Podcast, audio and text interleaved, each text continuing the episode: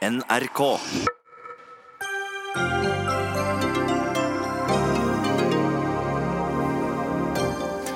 Leverte reiseregninger til Stortinget etter opphold på høyfjellshotell med familien, men FrPs Helge André Njåstad klemte også inn et møte om plan- og bygningsloven den samme påsken, så da er det vel greit? Eller? Vi spør mannen selv i Dagsnytt 18. Overlege vil endre loven om organdonasjon, og mener dagens system legger for stor vekt på pårørendes ønske. Det er uaktuelt å endre loven, sier Høyre. Stor og viktig nordnorsk NHO-begivenhet arrangeres i morgen, men i Oslo. Og Nordlys politisk redaktør mener det svekker nordnorsk selvtillit på skattebetalernes regning. Og kulturinteresserte er så triste etter at Dagens Næringsliv ikke lenger skal anmelde kultur, at de truer med å si opp abonnementene sine. Det blir for mye for en mediekritiker ved Institutt for journalistikk, som synes det er langt tristere at de kulturinteresserte ikke har andre interesser.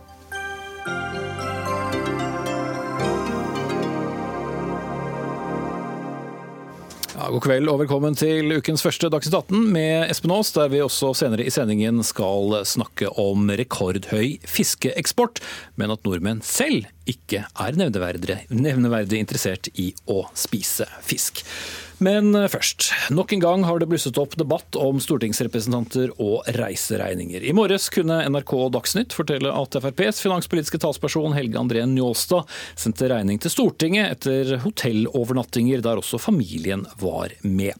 Njåstad har også hatt korte jobbmøter ved disse reisene og fått tilbakebetalt flere tusen kroner fra Stortinget. Og la det være presisert at det i så fall gjaldt hans overnattinger, ikke familien. Men Helge André Njåstad, vi skal straks komme tilbake til reisene og turene som sådan, men la oss bare forklare seere og lyttere følgende. Når du skal på en reise i embets medfør, hvem klarerer du eventuelt reise med på forhånd? Nei, Vi har jo et uh, regelverk. Uh, først vil jeg si at jeg setter pris på at du nå presiserer at uh, da denne saken dreier seg om er mine utgifter og ikke familien sine utgifter. Det kommer ikke like tydelig fram i, i, saken som dere publiserte tidligere i dag. Når det gjelder våre reiser, så har vi et regelverk som vi forholder oss til, som vi blir gjort kjent med. Nå har man nylig oppdatert det og gjort det enda strengere. og i kjølvannet av de sakene som har vært. Men tidligere så, så har det vært et regelverk som, som, jeg har fulgt i forhold til mine reiser, og som andre representanter følger i forhold til sine reiser. Men bare det jeg vil frem til, altså Du trenger ikke å få klarert en reise på forhånd? Nei, vi sender inn de reisene som vi har hatt som stortingsrepresentant når vi besøker velgere, næringsliv, lokallag for å sette oss inn i saker. Å være stortingsrepresentant handler jo om flere ting. Både å være på kontor i Oslo, men òg å være ute i landet og snakke med de folkene som blir berørt av våre vedtak, og de som eh, har ønske om å påvirke oss. Så Det er en viktig del av jobben. Mm. Ja, Men, men det, trenger, det, blir ikke forhåndsgodkjent, og du sender da inn kvitteringer i etterkant. Og i det oppdaterte regelverket så må man også vise at man har har eh, deltatt på arrangementer eller, eller, møtt andre, ikke sant? Ja, det er ja. riktig at eh, det nå er oppdatert og stramma opp. Mm. Eh, men derfor så trengte du heller ikke å be noen om lov, eller spørre om det var greit at du også traff familie under noen av disse turene, der du også hadde lagt inn lengre eller kortere politiske møter? Nei, men det står jo i, regelverket som jeg har fulgt, at det er lovlig å, å kombinere med å ha med familie, så lenge ikke det er en merkostnad for Stortinget at det da skjer. Og jeg har mange reisedøgn, så hvis jeg kan ta med sønnen min sånn at vi får litt pappatid med han, så har jeg gjort det uten at det da går utover de møtene som jeg har, har gjennomført. Og Det står i, i, regelverket at så lenge ikke det er merkostnader, så er det innenfor det regelverket som, som har vært gjeldende, og som er gjeldende videre. Mm. De sakene som har vært publisert i dag, handler om tre turer, hvor altså familiemedlemmer har vært med, og hvor du har skrevet reiseregning i etterkant. Og Forstår jeg det rett, så, så sier du at du har opptrådt innenfor regelverket? Ja, Det kommer jo frem i saken også, at, at, det er innenfor regelverket. Jeg forstår at folk kan reagere på sånn som saken fremstiller, og at, at man har, og i alle fall hvis man tror at man har hatt merkostnader pga. at familien har vært med. Men det er en vurdering som vi gjør fra sak til sak. En annen sak som NRK òg har spurt om, er jo når Mummi feirte 60-årsdagen sin i, i Ullensvang. Men det er ikke en publisert sak? Nei, men det er en sak som NRK har spurt om òg. Da vurderte jeg det sånn at eh, det er privat, sånn at overnattingen der dekka, eh, ble dekka privat. Eh, mens kun de møtene som var i forkant, men ikke overnattingsdelen, ble, ble, tatt som en del av, av reiseregning på den saken. Så det er en vurdering som gjør i hver enkelt tilfelle når man, når man har ei reise. Mm. Men i denne saken og det som er publisert, folk kjenner ikke den du refererer til, ei heller jeg anten av, av omtale, men det er altså snakk om tre turer. En til Bergen, en til Geilo og en til Østfold. Var alle de politiske møtene planlagt på forhånd, før det ble bestemt at også familien skulle være med? Eh, ja, eh, nå er to av de tilbake, helt tilbake i 2016, så jeg husker ikke alle detaljer om det. Men, eh, men alle reisene har vært, vært, planlagt i forhold til de oppgavene jeg hadde. I forrige periode satt jeg i kommunalkomiteen og hadde ansvaret for kommunereformen. Så da setter jeg meg inn i forholdene i Østfold og, snakker med flere av våre lokalpolitikere og ser med egne øyne de berørte sakene der var, var viktig. Hvorfor trenger man å overnatte i Østfold? Det tar jo vel knapt en time å kjøre til Rygge der hvor du var? Jo, men jeg reiste videre til, til Strømstad, men da er ute av landet, så da sendte jeg ikke reiseregning for. Eh, og Derfor så ble det gjort i, i det tilfellet. Da, og det mener du var greit, selv om det er så nært Oslo, eh, hvor du har din stortingsleilighet? Ja, for jeg brukte store, store deler av, eh, av, det, av, den dagen til å sette meg inn i forholdene i Østfold. Snakke med flere lokalpolitikere, besøke eh, kommuner og være tryggere på de avgjørelsene vi skulle ta i forhold til kommunereformen. Og Det er en del jeg har gjort helt siden jeg kom på Stortinget. Så har jeg satt meg inn i de sakene og snakket med de folkene som er berørt. Så var det også en tur til Geilo i påskeuken. Eh, du våkner da altså opp på ærverdig Dr. Holms hotell på skjærtorsdag, og regningen sendes altså til skattebetalerne. Selv om altså et møte om plan- og bygningsloven ble lagt til den samme påskeuken. Eh, hvorfor måtte det møtet finne sted da? Det var en praktisk løsning for å, å, treffe de som jeg hadde møte med eh, midtveis mellom Bergen og Oslo. Jeg kunne også flydd til Bergen og hatt møte. Vi har gjort det òg og hatt, eh, hatt, møte om plan- og bygningsloven. Det er en viktig sak for oss i Stortinget å gjøre det enklere for kommuner å styre mer sjøl i plan- og bygningsloven. og Da er det viktig for meg å ha, få innspill fra aktører som ønsker å gi meg innspill. Så da, eh, Også i påskeuken?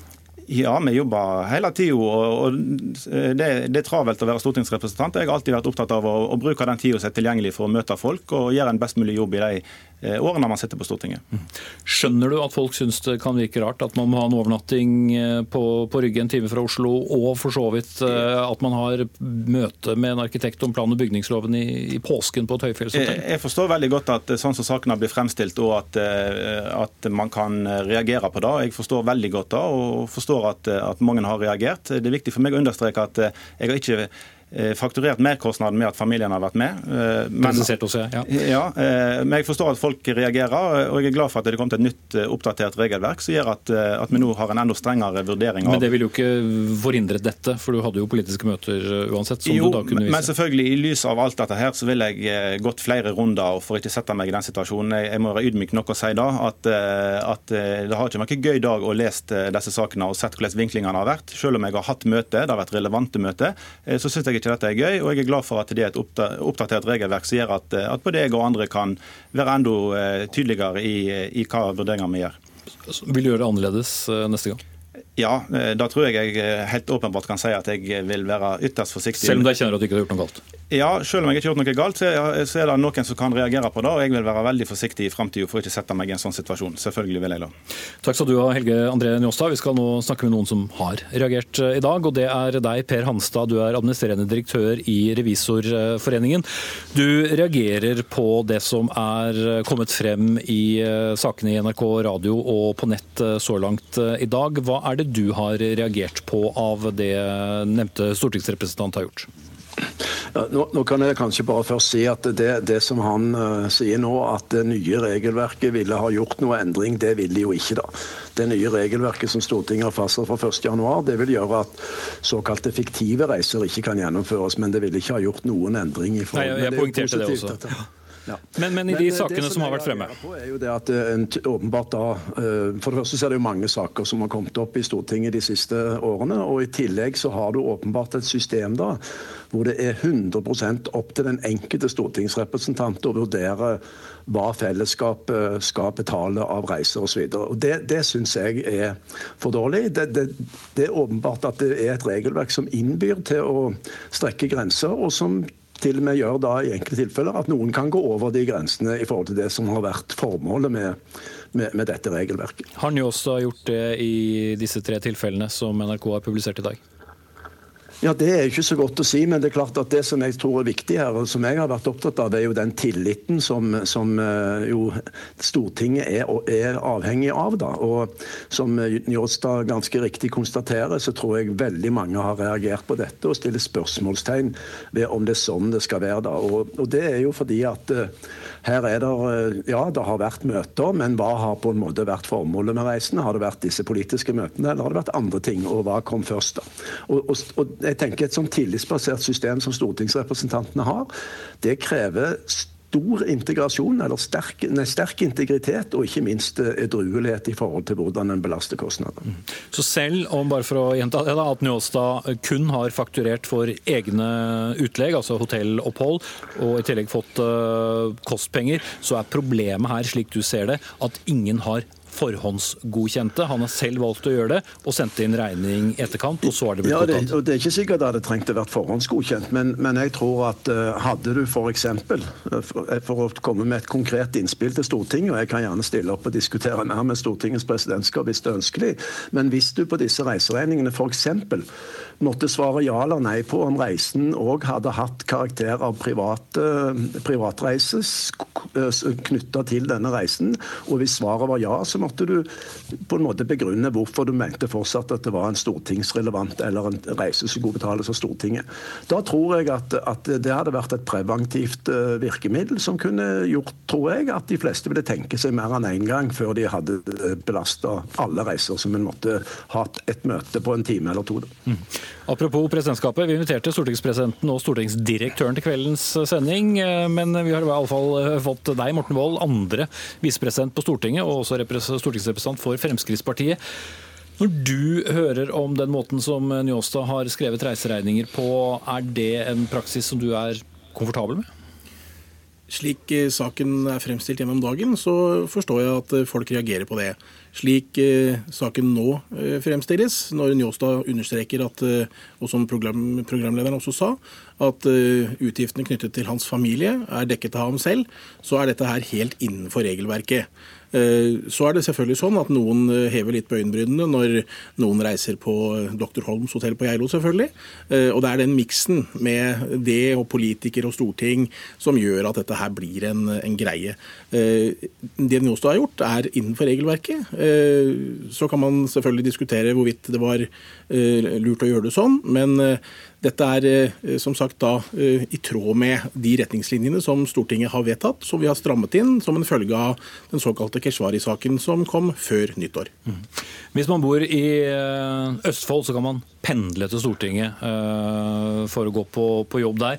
Er det da relevant å ta overnatting i Østfold når man er på et møte der? Jeg kjenner ikke detaljene hvorfor det var nødvendig for Njåstad, annet enn det jeg hørte han sa her nå, at han skulle videre til Strømstad. Men dette er en vurdering som alle representantene, de 169, utøver selv. Altså Det er et eget skjønn og bruk av sunn fornuft som må ligge bak når en skal levere en reiseregning til Stortinget for å få refundert det man har hatt av utlegg. Eh, fra, fra, Stortinget. Så her, eh, alle, av de 169, så klarer de aller, aller, aller, aller fleste å gjøre dette på en helt forbilledlig måte. Eh, så, Men sånn vi har jo på kort tid hatt to saker, da.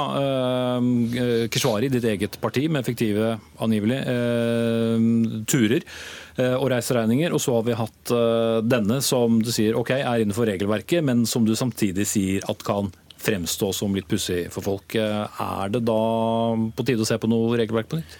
Nå har vi akkurat eh, evaluert regelverket og strammet inn på den måten at eh, representanter som reiser innenlands, det kan man gjøre uten forhåndsgodkjenning. Men de må da vise hvorfor de har vært der, i, eh, hvem de har møtt, eh, legge ved en invitasjon, dokumentere via en e-post, eh, vise et medieoppslag eller en oppdatering i sosiale medier f.eks., for, eksempel, for å vise at man faktisk har vært der og gjort det man, det man faktisk da skulle. Og de regelendringene eller innstrammingene som ble gjort, trådte nå i kraft fra årsskiftet. Og de må nå få tid til å virke i en viss periode før vi Men de er ikke relevante for denne saken? Nei, for så vidt ikke. Og det går heller ikke an å sammenligne de to sakene du trakk frem. Fordi Keshvari-saken har et helt annet, en helt annen ja, Vi kan godt la den ligge, ja. men siden dette regelverket ble trukket frem hele tiden, så hadde det med den saken å gjøre, og ikke med denne. Men det tror kanskje mange lurer på, siden det er da relevant å, å treffe noen for å snakke om plan- og bygningsloven i, i påsken, går det noen grense for hva som er stortingsrelevant når det gjelder reiser? På sett og vis så gjør det ikke det, fordi dette er opp til representantene selv å vurdere. Man foretar en vurdering. Er det, er det riktig bruk av skattebetalernes penger at jeg nå reiser dit og har det møtet og krever refusjon? Eh, så det er opp til den enkelte representants dømmekraft, eh, sunn fornuft og bruk av godt skjønn på hvorvidt det skal leveres en reiseregning eller ikke. Og ingen stiller spørsmål ved akkurat det i etterkant, så frem til at eh, du kan dokumentere nå etter de nye reglene at du har uh, hatt en eller annen form for politisk virksomhet på reisen?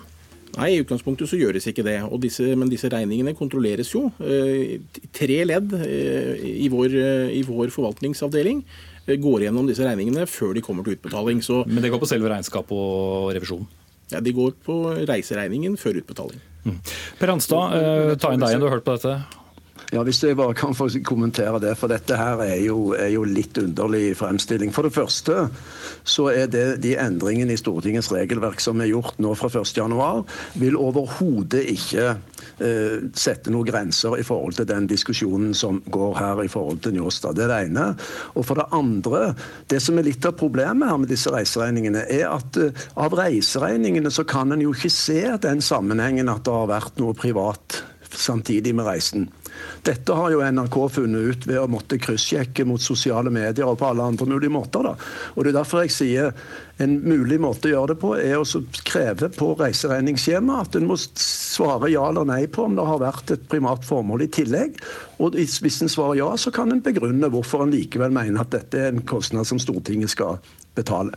Det ville begrense dette og virkelig ville være et fremskritt i forhold til det regelverket som en såkalt har stramma inn, men som ikke er en innstramming i forhold til dette. Enig i det, Vold? Det er selvfølgelig én mulighet å, å, gjøre det på, men la meg understreke at det er veldig viktig for oss at norske parlamentarikere har lett adgang til å kunne reise ut for å møte velgerne, hurtig reise uten å få, trenge forhåndsgodkjenning og, og, masse klareringer før man drar av gårde. Det må man gjøre hvis man skal til utlandet.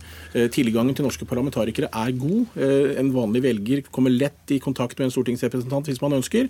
og Derfor er det viktig at representantene kan reise ganske fritt rundt i Norges land for å møte velgerne, for å jobbe for demokratiet og for å fremme Stortingets arbeid. Og Noen ganger så ender det i en reise også til Dagsnytt 18 studio. Takk skal du ha, Morten Wold, andre visepresident på Stortinget og stortingsrepresentant for Fremskrittspartiet Fremskrittspartiet, og Per Hanstad, administrerende direktør i Revisorforeningen. Dagsnytt 18 alle hverdager klokka 18.00 på NRK P2 og NRK2.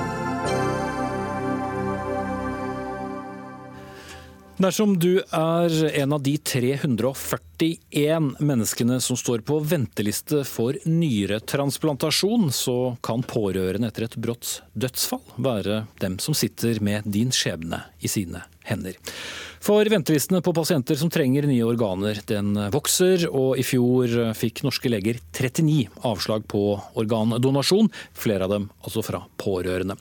Men eh, Stig Arne Kjellevold, overlege og seksjonsleder på sykehuset i Vestfold, du åpner for å endre på dette regelverket. Og før vi kommer til det, du jobber altså med folk som venter på nyretransplantasjoner i dag.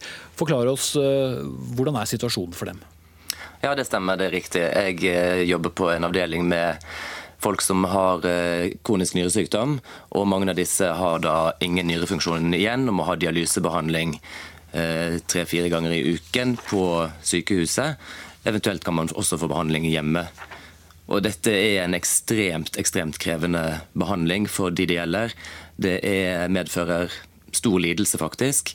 Og selv om man kan opprettholde livet inntil man blir transplantert, så er det ingen dans på roser å være dialysepasient. Det medfører økt grad av sykelighet, tilleggssykdommer som oppstår underveis, og disse sykdommene er potensielt dødelige. Slik at det å gå i dialysebehandling er eh, livs... Eh, det holder folk i live, men det er ikke noe god behandling. Transplantasjon er absolutt å foretrekke. Mm. Satt eh, til det ekstreme, kan man dø i en nyrekø i Norge i dag? Ja, det kan man i aller høyeste grad. Eh, heldigvis i motsetning til for eh, sviktende organer, andre organer i kroppen, så har vi jo da dette med dialysebehandling. Men det å være i dialyse medfører en betydelig økt risiko for å dø av sykdommer som, som forekommer i forbindelse med det å ha dialysekrevende nyresvikt. I en reportasje i Dagsrevyen i går så sa du at pårørende er i en eh, spesielt sårbar situasjon når de blir spurt om eh, de kan donere organer fra en person som nettopp har eh, mistet livet. Hva mener du med det konkret? Da tenker jeg at de som blir aktuelle som nyredonorer, dette er mennesker som i utgangspunktet er friske, det har ikke vært et langt eller et, et, et, sykdomsforløp over tid der man kan forberede seg på at døden vil inntreffe, og man kan ta veloverveide beslutninger og, og reflekterte valg. Dette skjer brått og brutalt og dramatisk. Det kan dreie seg om en drukningsulykke, fall fra store høyder med hodeskade, hjerneblødning og den type eh, dødsomstendigheter. Mm. er det mange som angrer seg i ettertid hvis de har sagt nei til å donere organ? Eh, det, det, har jeg ikke kjennskap til, men jeg vil faktisk tro at det kan det være. Jeg vil tro at når man får dette på avstand, eh, det, det akutte, den akutte dramatiske hendelsen der, man, der, livet blir snudd på hodet for de, for de etterlevende, så tror jeg, og det er vanskelig kanskje å ta et uh, veldig veloverveid valg, så sier man kanskje nei. Og så når man får det på avstand og ser det i hva skal jeg si, uh, Da har det kanskje ikke kommet noe godt ut av dette, men hadde man sagt ja, så hadde man kanskje hatt en liten trøst i det at man har bidratt til å redde livet til en eller flere andre. Burde pårørende få miste den vetoretten? Jeg vil ikke dra det så langt som det, men jeg tenker det at vi burde se på alle som potensielle donorer, med mindre noen aktivt og på eget initiativ sier at det er uaktuelt. Sveinung Stensland, stortingsrepresentant for Høyre. Har du forståelse for at mange pårørende kanskje sier nei til organdonasjon nettopp fordi de er i nærmest eh, sjokk, slik som eh, Kjellvold beskrev her, og ikke orker å ta den eh, avgjørelsen? Absolutt. Det er ikke vanskelig å sette seg inn i den krevende situasjonen. Men, men eh, samtidig så er det sånn at eh, alle kan ta stilling til dette selv om en lever i beste velgående. Det er jo nettopp det som er hovedpoenget her, at flere må ta stilling til organdonasjon mens de lever. For en vet aldri når en møter, møter døden. Ulykker som blir beskrevet her, det er jo ting som vi ikke vet kommer. Og så er Det jo sånn at det er ikke snakk om en vetorett som de pårørende har. Det er jo sånn at Den avdødes vilje den skal alltid bli respektert. Altså både ja og nei. Og, og Organdonasjon det kan faktisk skje dersom det ikke er forhold som tilsier at den avdøde ville vært mot donasjon. Og Den nærmeste pårørende kan bare nekte eh, når den avdødes vilje ikke er kjent. Så, så Sånn som eh, loven er, så er det sånn at hvis den, den som er død, den har tilkjennegitt at han ønsker å gi organer, så skal det være sånn, og motsatt. Og derfor så har vi starta flere kampanjer, senest i fjor, både mot uh, helsepersonell og ikke minst mot befolkningen generelt, for å få flere til å ta stilling til dette spørsmålet. Mm. Og, Men fra 2009 ja. uh, så har antall pasienter på venteliste for nettopp nyretransplantasjon uh, økt fra 173 til 341. Og da er det lett å tenke at man kanskje må gjøre noe mer enn å opplyse om dette? Ja, det er lett å peke på bl.a. Eh, lovendringer, men vi må jo ta inn over oss at hvis vi gjør det sånn at alle organer er bare å hente hvis de ikke har sagt fra om noe, da sier en jo samtidig at alle organer tilhører staten i det øyeblikk du ikke trenger de lenger. Og det er å gå litt langt. Det er mye, vikt, det er mye bedre å ha en diskusjon rundt dette, sånn at folk tar stilling til dette. Vil, vi kan ikke ha det sånn at dersom en ikke har ment noe om dette eh, mens en lever, så er det fritt fram. Uh, og det som, er, det som, er, en hovedgrunn til at flere står i kø, er jo bl.a. at det er flere som overlever dramatiske ulykker. Antall drepte i trafikken går nedover. Og det er også, Tilgang på organer er òg en del av spørsmålet. Og det er jo gledelig at vi har fått bedre akuttmedisin og færre ulykker. Mm. Så dette er, dette er veldig sammensatt spørsmål, men svaret er ikke å ha det sånn at hvis ikke du har tatt stilling til dette, så er det fritt fram å hente organer uten og i det hele tatt sjekke ut om dette er noe som er ønskelig. Vanskelig å ta stilling til uansett, det forstår vi veldig godt. Aleksander Resekowski, informasjonssjef i stiftelsen Organdonor. Er det for lett, hvis jeg kan bruke et litt uh, dårlig uttrykk, på å si nei til å donere organer? Um, I denne lovendringen, eller den nye loven som kom nå, så er det veldig mye bra. Men det var også noen punkter som vi i Stiftelsen Organdonasjon stilte oss kritisk til. Og det ene er jo dette med vetorett. Tidligere var det sånn at eh, det var ganske konkret i rundskrivet eh, at man skulle inn i denne samtalen med mål om å få et ja. Man skulle undersøke hva avdøde kan ha ønsket, eh, hvis det er ukjent. Men var, målet var at man skulle ha en donasjon, helst. Nå er det slik at man er nødt til å opplyse om denne vetoretten. Man begynner samtalen med det. og det blir vi mener at det blir en sånn litt for sentral del av denne samtalen, som egentlig dreier seg om noe helt annet, nemlig den avdøde og avdødes vilje. Så vi mener at uh, akkurat dette punktet uh, er ikke vi særlig fornøyd med. Uh, vi mener at den setter et visst klima i samtalen, og det blir for lett for de pårørende, som jo er i en uh, veldig uh, sårbar situasjon, å bare få det bort og si nei. Det letteste er å slippe å forholde seg til det, fordi du kan raskt gjøre det. Ja, nettopp. Uh, Stensland, kort på det.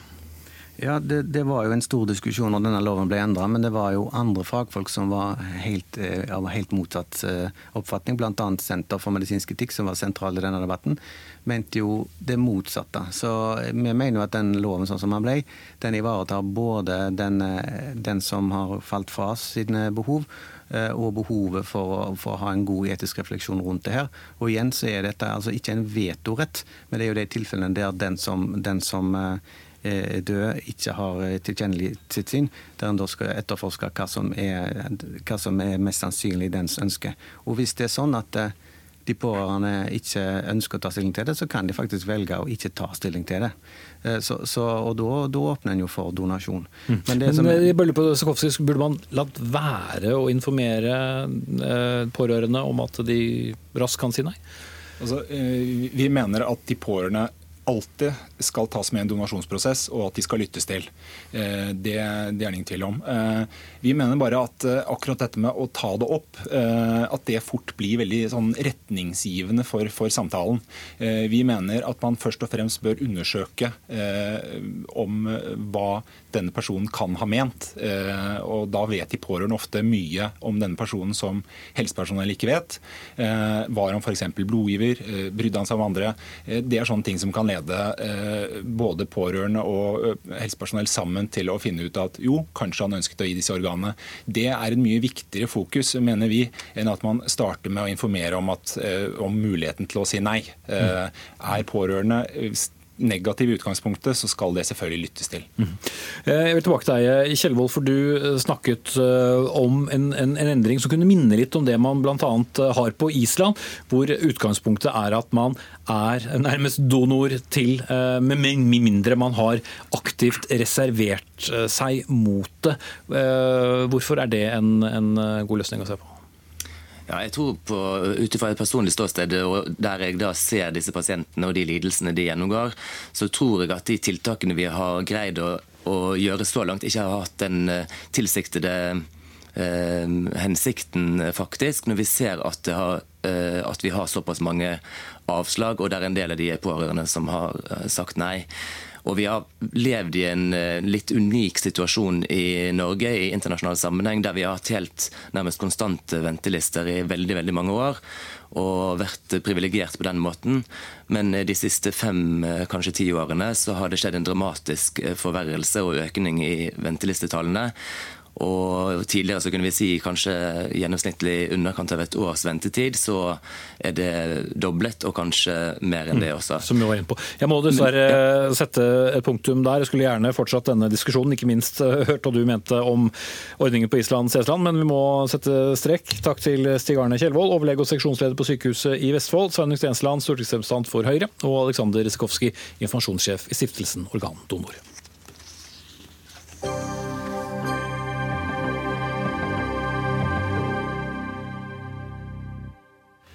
I morgen så møtes nord og sør, og det skjer her i sør. For til konferansen Nord i sør så er det påmeldt over 300 deltakere, og det hele arrangeres av NHO, næringslivets hovedorganisasjon i Oslo.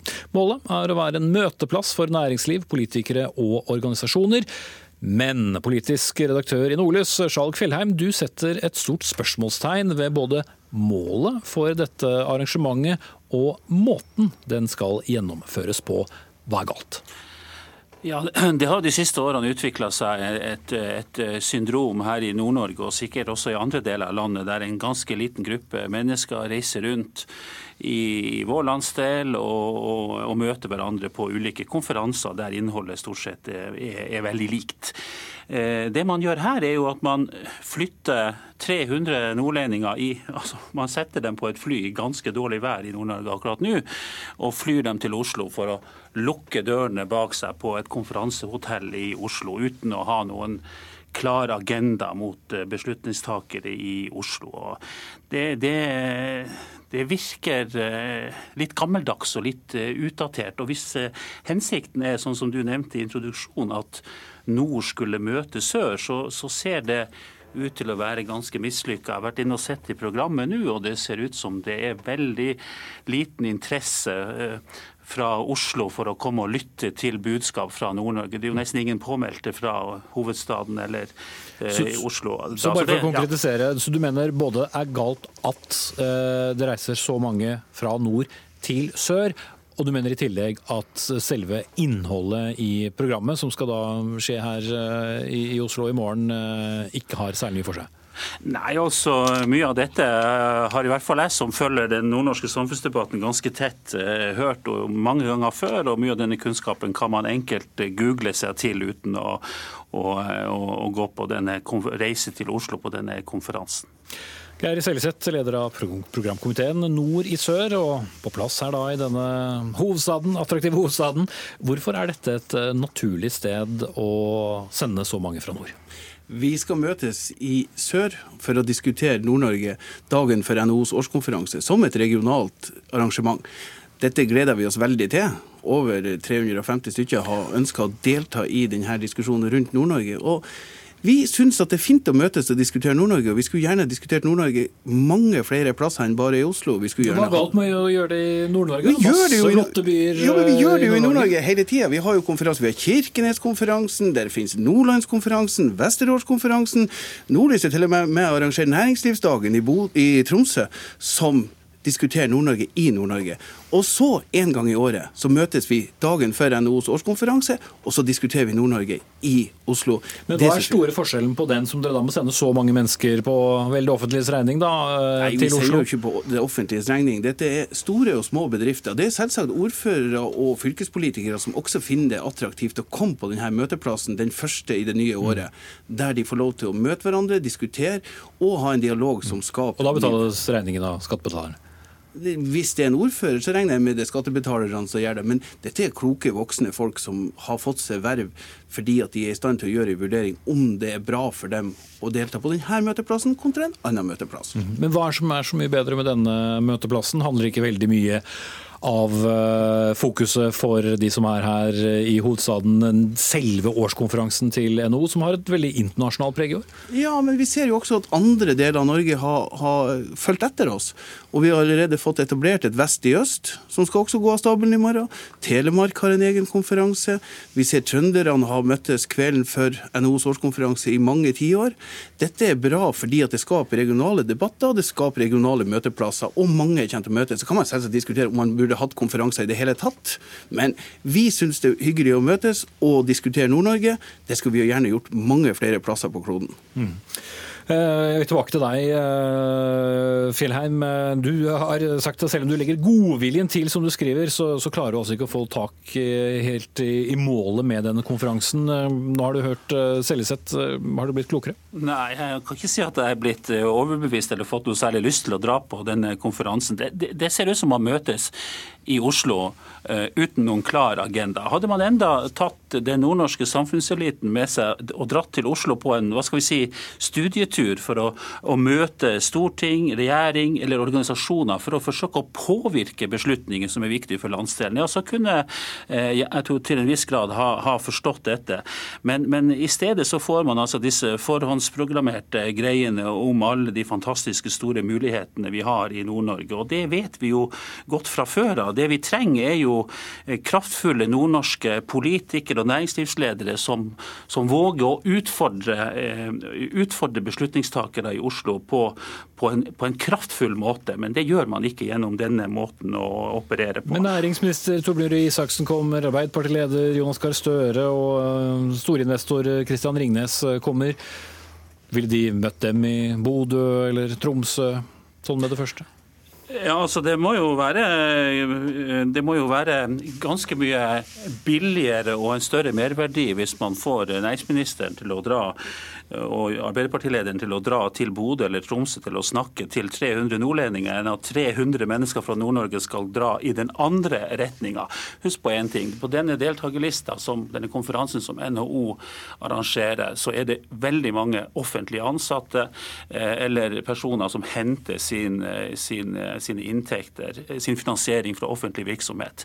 Og Det er veldig rart å se en deltakerliste med eh, ordførere og, og rådmenn i nord som i det ene øyeblikket klager over hvor lite penger de får fra myndighetene, og i det neste øyeblikk velger å bruke skattebetalerne sine penger på å sette seg på et fly Eh, på å reise på denne, denne type konferanser i Oslo. Okay, skal... der, der, der, de treffer folk de kjenner fra før. Ok, Selvsett. Men, men, men, kjære venn, dette er da ikke sånn at det er folk som lokkes til noe som helst. Dette er kloke ordførere som gjør kloke valg. De er jo ikke her bare for en endagskonferanse. De er her, har masse møter i dag om fiskeri. De har hatt kvotemøter med regionforeningen i, Finnmark. De har hatt mange møter med toppolitikere. De har travle dager. De pakker dagene fullt.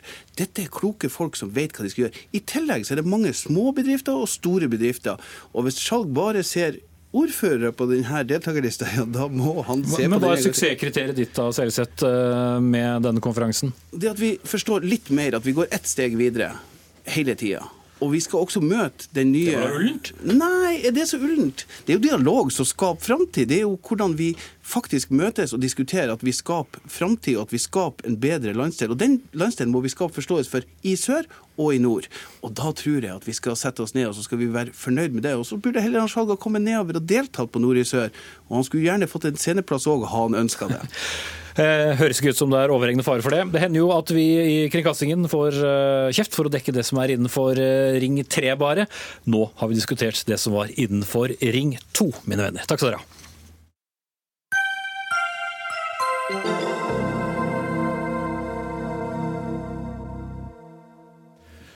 Norsk eh, eksport av fisk og skalldyr ja, det går så det suser. Vi eksporterte sjømat for 99 milliarder kroner i fjor. og Det er det høyeste tallet noen gang, det, eh, og mer enn en dobling på ti år. Et lite paradoks oppi det hele er at vi nordmenn spiser mindre fisk enn vi gjorde for fem år siden. Og Renate Larsen, direktør i Norges sjømatråd, eh, hva er det med nordmenn som ikke vil ha fisk? Mm. Ja, nå er det jo faktisk sånn at vi er fremdeles enige til dem som spiser mest sjømat i hele verden. Så det er ikke helt svart. Eh, men det er bekymringsverdig at vi spiser mindre sjømat. Og spesielt er det bekymringsverdig at det er de unge eh, vi mister i forhold til sjømatkonsumet. Mm. Men uh, hvorfor skjer dette, da? Mm, ja, Det er nok en blanda, eh, blanda begrunnelse for det. Eh, det er nok sånn at I dag så velger vi hva vi skal til middag når vi går inn i butikkene.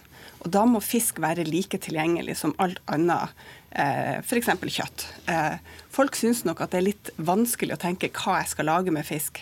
Eh, sånn at vi trenger større... Det er ikke helt nytt på matbordet, da? Eh, nei, men vi trenger enkle, raske retter. Og det er veldig sånn at vi har lært oss at det er enklest å gjøre eh, med kjøtt. F.eks. så vet vi jo at unge i dag spiser utrolig mye kjøtt. Eh, og det er kanskje fordi at de syns det er enkelt å tilberede. Mm. Men så er det også sånn at prisen har noe å si. Eh, det er ikke en tvil om det. Spesielt blant de unge. Og fisk er ikke så billig? Nei, fisk er ikke så billig. Mm. Harald T. Nesvik, eh, fiskeriminister. Hva er grunnen til at norsk fiskerieksport da øker så mye, men så får vi det ikke helt til her hjemme? For det første må jeg si at eh, Sjømatrådet gjør en fantastisk jobb eh, med å profilere norsk fisk i utlandet og sjømat generelt sett. Eh, så, og han er veldig etterspurt også, den kvaliteten og produktene som vi har.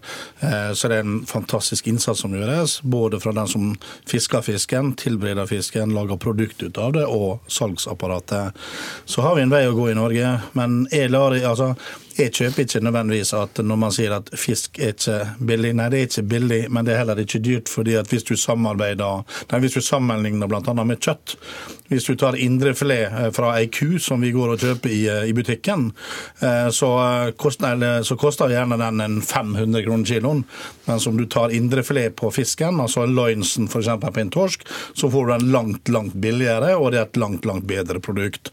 Mm. Det jeg tror det, det dreier seg om og når du snakker om den nedgangen som du sa, så er jo det dessverre knytta til barn og unge, og særlig også unge kvinner. Der har vi en jobb å gjøre. Derfor så gjør jo vi relativt mye knytta til bl.a. sjømattiltak eh, retta mot barn og unge. Ehm, vi gjør knytta til markedsføring og informasjon. Ehm, men jeg tror nok at vi har en, en vei å gå også, så vi må bli enda flinkere til å få satt eh, fokus og søkelys på disse fantastiske sjømatproduktene vi har. Tviler ikke på at det skorter på markedsføring innenfor en bransje som omsetter for så mange milliarder. Men hva tror dere begge to om sammenhengen om fiskekonsum og diverse rapporter, som denne rapporten fra EUs mattrygghetsorgan EFSA som kom i november, som slo alarm eh, i en rapport eh, på over 300 sider, bl.a. over fertiliteten til menn hvis man spiser fisk flere ganger i uken.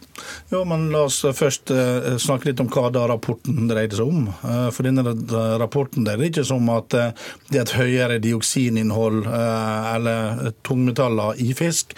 Det er grenser Eh, som er satt knytta til hva folk tåler eller blir anbefalt, det denne har gått inn på. Det er faktisk eh, bedre tilstand på fisken nå enn det var tidligere, særlig fordi at man bl.a. innenfor eh, for oppdrettsnæringa har blitt flinkere bl.a. knytta til fôret, og sørger for at det fôret blir rensa på en, på en annen måte. Hva? Så du er ikke enig i rapporten? Jo, jeg si det med at Vi må snakke om hva rapporten dreier seg om.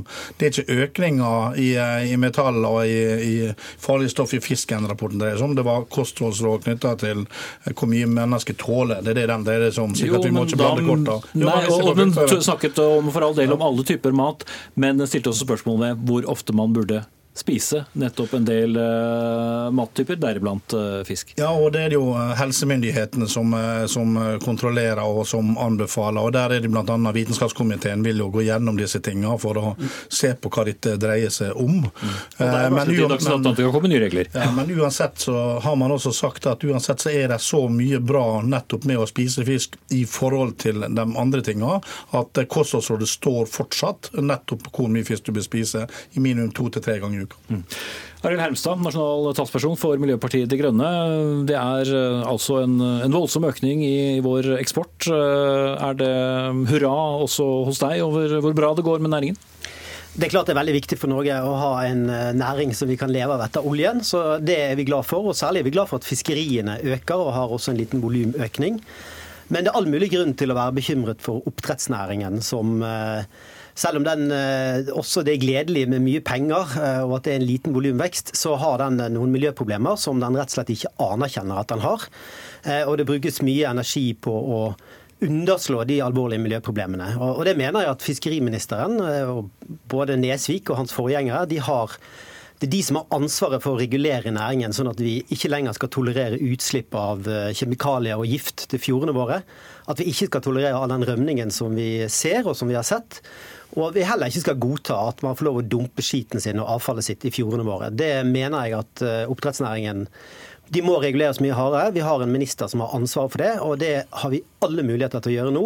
Men eh, det skjer altfor lite, altfor sakte. Mm, Nesvik?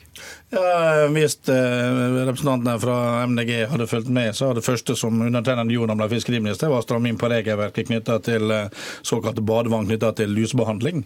Eh, hvor det kan bl.a.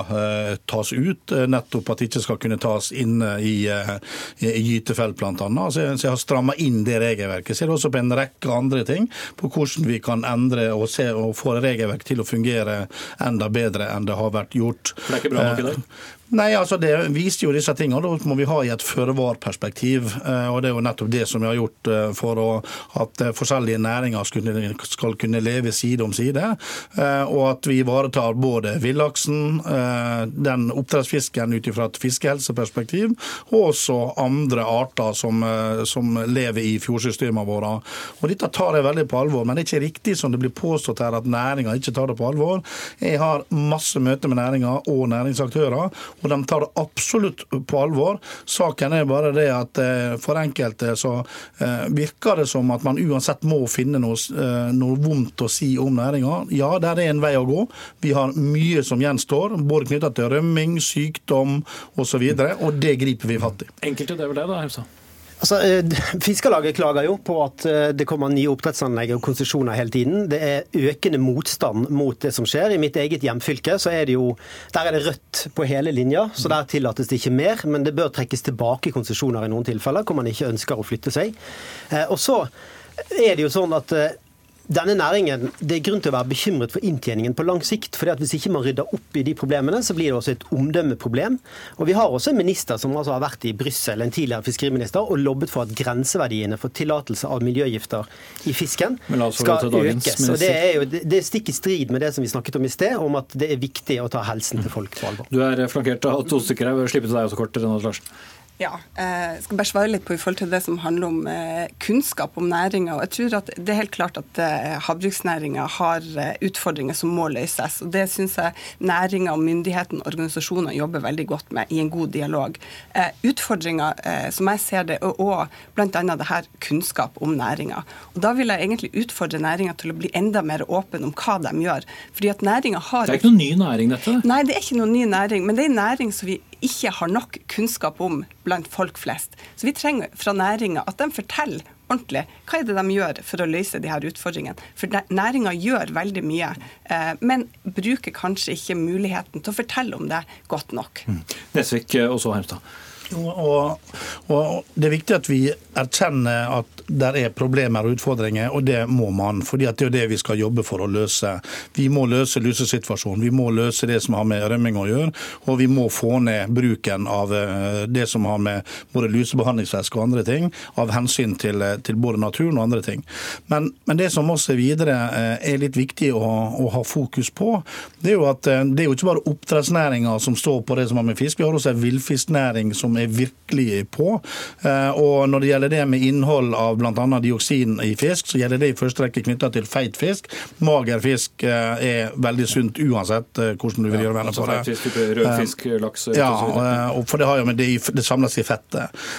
Men jeg tror det er viktig at vi også tar med oss at fiskeribiten altså Du snakker om at det er ikke noe, noe ny næring. Nei, men altså, den første vellykka utsettet skjedde ikke lenger tilbake enn i 1971. og Frem til da så måtte en fantastisk utvikling. Og Norge trenger denne næringa. Like gammel som oljenæringen, altså. Jeg må bare slippe til Hermstad kort til slutt. Altså, det, eh, det som, vi kan godt snakke om at næringen bør skjerpe seg og de bør bli mer åpne, og enig med det, men problemet her er at det er politikerne, og særlig fiskeriministeren, som er nødt til å stille de kravene som gjør at denne næringen faktisk kan ha en strålende fremtid også eh, i den tiden som kommer. Og kanskje få noen flere forbrukere på kroken. Harald T. Nesvik, fiskeriminister for Fremskrittspartiet, Renate Larsen, direktør i Norges sjømatråd, og Arild Hermstad fra MDG.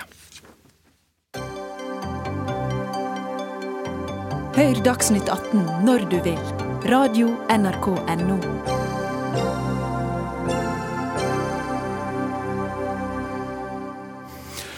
Mange av landets kulturinteresserte fikk en eh, dårlig nyhet i romjulen, for eh, Dagens Næringsliv skal nemlig slutte å anmelde TV, litteratur og musikk. De av dere som med stor iver pleier å bla dere frem til anmeldelsene i lørdagsbelaget til Dagens Næringsliv, vil snart ikke finne disse kulturanmeldelsene i et ellers så mangfoldig blad, men heller kanskje lese andre publikasjoner med anmeldelser. Flere kulturprofiler har derfor truet med å avslutte abonnementene sine, fordi de ikke lenger kan eh, lese anmeldelser av serier, filmer, bøk, eh, bøker eller forskjellig jazz. Men eh, Trygve Aas Olsen, fagmedarbeider ved Institutt for journalistikk og for ordens skyld tidligere redaksjonssjef i Dagens Næringslivs etterbørsredaksjon. Det er enda tristere med kulturinteresserte personer som ikke interesserer seg for noe annet, skriver du en kronikk på bransjenettstedet Medier i 24. Hvorfor er det så trist? Burde de ikke engasjere seg for sitt eget felt? Absolutt, det burde de gjøre. Men uh, det som opprører meg litt, er at de, når Dagens Næringsliv bestemmer seg for å kutte ut noen anmeldelser på lørdag, da, så uh, er det veldig mange kulturmennesker som uh, sier at ok, da er vi ferdig med Dagens Næringsliv. Altså, og Det tolker jeg dit hen at jeg er ikke interessert i den andre samfunnsviktige journalistikken som Dagens Næringsliv driver. Det er få aviser i Norge som driver Eh, som, som, eh, som avslører mer korrupsjon og maktmisbruk i samfunnet enn Dagens Næringsliv.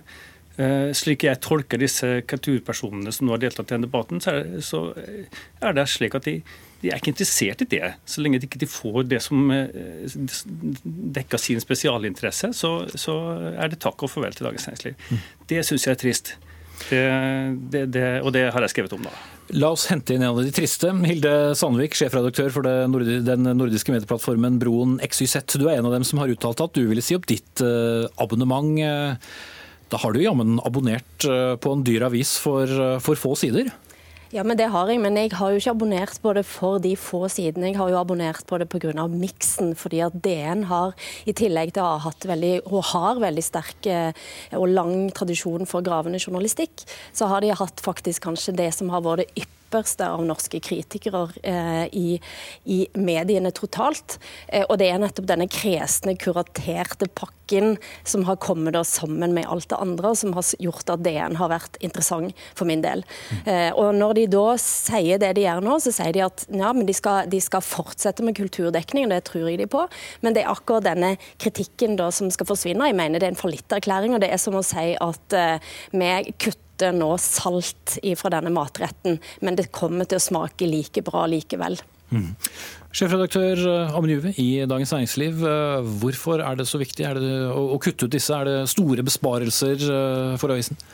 For det første så kutter vi ikke ut kulturanmeldelsene, men det blir færre anmeldelser i, i 2019 enn det var i 2018. Vi skal fortsatt ha anmeldelser. og, og sånn som Han som skriver om bøker hos oss, han er fast ansatt. Eh, og, og, han skal skrive om bøker og anmelde bøker også i, i 2019. Og så blir det liksom litt endringer, og det blir kanskje litt mindre, eh, litt mindre eh, på musikk. Vi skal fortsatt skrive om musikk, men det flyttes fra lørdag til fredag, sånn at det gjøres endringer. Eh, sånn at bare eh, Hele premisset for debatten som du også liksom, slo an, at vi skal kutte ut kulturanmeldelser, det er altså feil. Men det blir, men det blir endringer, det blir og det blir færre. Det er helt riktig. Det blir færre. Og nei, Det er jo rett og slett fordi altså, avislesing, eller lesing av journalistikk, flytter seg fra papir til digitale flater. Det har skjedd i mange år, og det, det kommer til å fortsette. Og det vi ser, er at eh, en del av disse anmeldelsene som, som, vi, som vi, lager, som jeg er helt enig med, med Sandvika at det er veldig gode anmeldelser, skrevet av veldig dyktige uh, folk, de leses dårlig digitalt. Vi har ikke klart å få det til å å gå leses noe særlig bra digitalt. Og i, i, en stadig mer krevende medieøkonomi, hvor vi er nødt til å prioritere, så må vi prioritere eh, saker, intelligent, god, viktig, interessant journalistikk som også leses godt digitalt. Det er, liksom, det er, det er fremtiden vår. og Derfor har vi, har, vi da, har vi da valgt å redusere antall kulturanmeldelser i år sammenlignet med det vi var i fjor. Og For Dagens Næringsliv så er det jo viktig å være bred næringslivsavis. Det betyr at vi også skal opptatt, opptatt av politikk og kultur.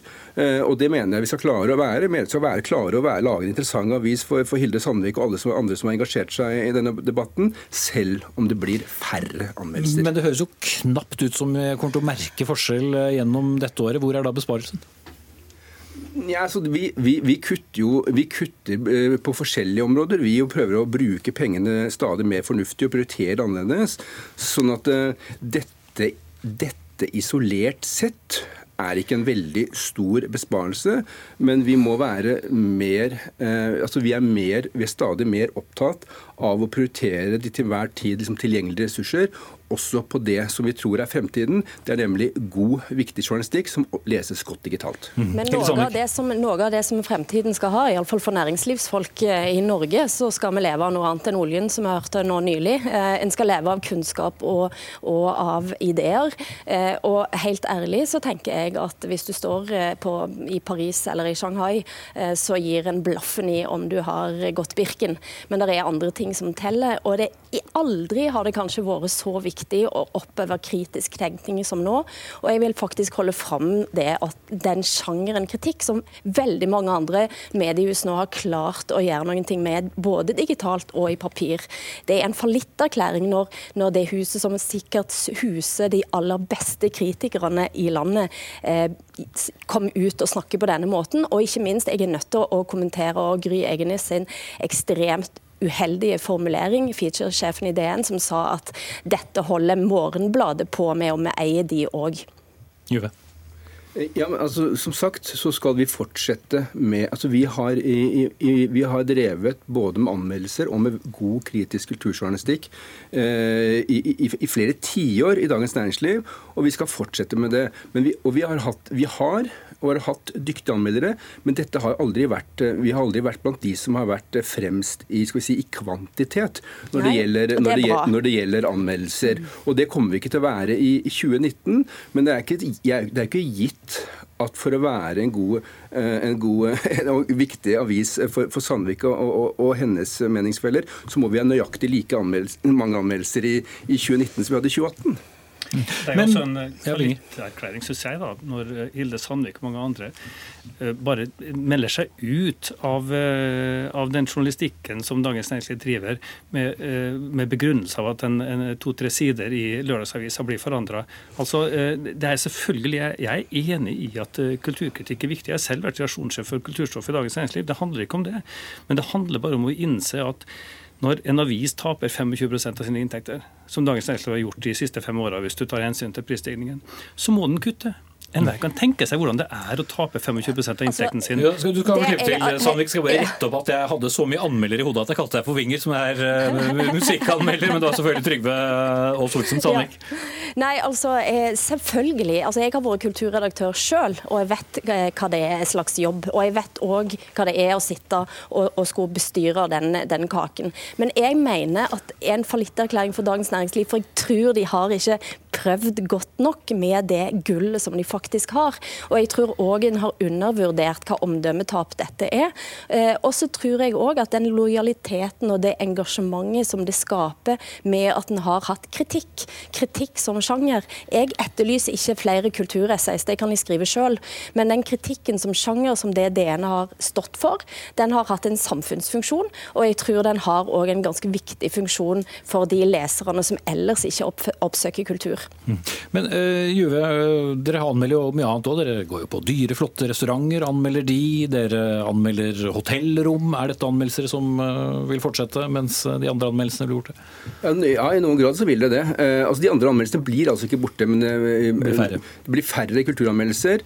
Det blir også, siden Sandvik nevnte det, det blir mye mindre Birkenstoff, om, om enn noe, enn det har vært tidligere. Sånn vi, vi, men vi driver jo hele tiden og utvikler og fornyer oss og, og ser liksom, hva er det av god og viktig journalistikk som vi også klarer å få til digitalt. Og så har Sandvik helt sikkert rett i at vi kunne ha gjort dette anmeldestoffet eh, bedre digitalt. Og det som er igjen, og det vi fortsatt skal satse på anmeldestoff, skal vi også forsøke å utvikle sånn at det leses mye bedre digitalt enn det det er gjort. Så det er jo ikke gitt at det blir færre i hvert fall digitale lesere av anmeldelser i DN i, i, i betydelig grad, eh, fordi om vi da har færre anmeldelser på trykk i papirutgaven enn tidligere.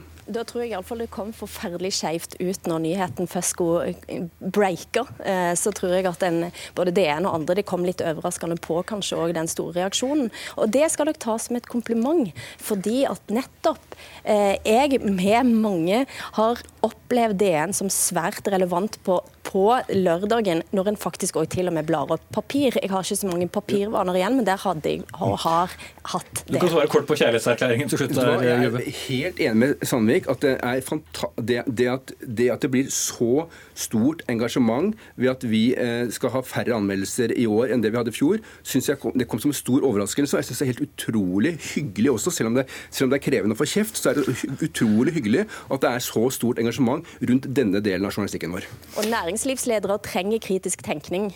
Det må en bare understreke helt sånn avslutningsvis. Der er jeg også enig med Sandvik. Fantastisk. Eh, Noen færre anmeldelser altså, og faktisk litt færre Birkenstoff eh, også. Takk til eh, Trygve Aas Olsen, Hilde Sandvik og Amund Juve. Vi vet litt om hvordan det er å gjøre forandringer også her i Dagsnytt 18. Ansvarlig for sendingen i dag, Anne Katrine Førli. Teknisk ansvarlig Hans Ole Hummelvold. Og her i studio, Espen Aas.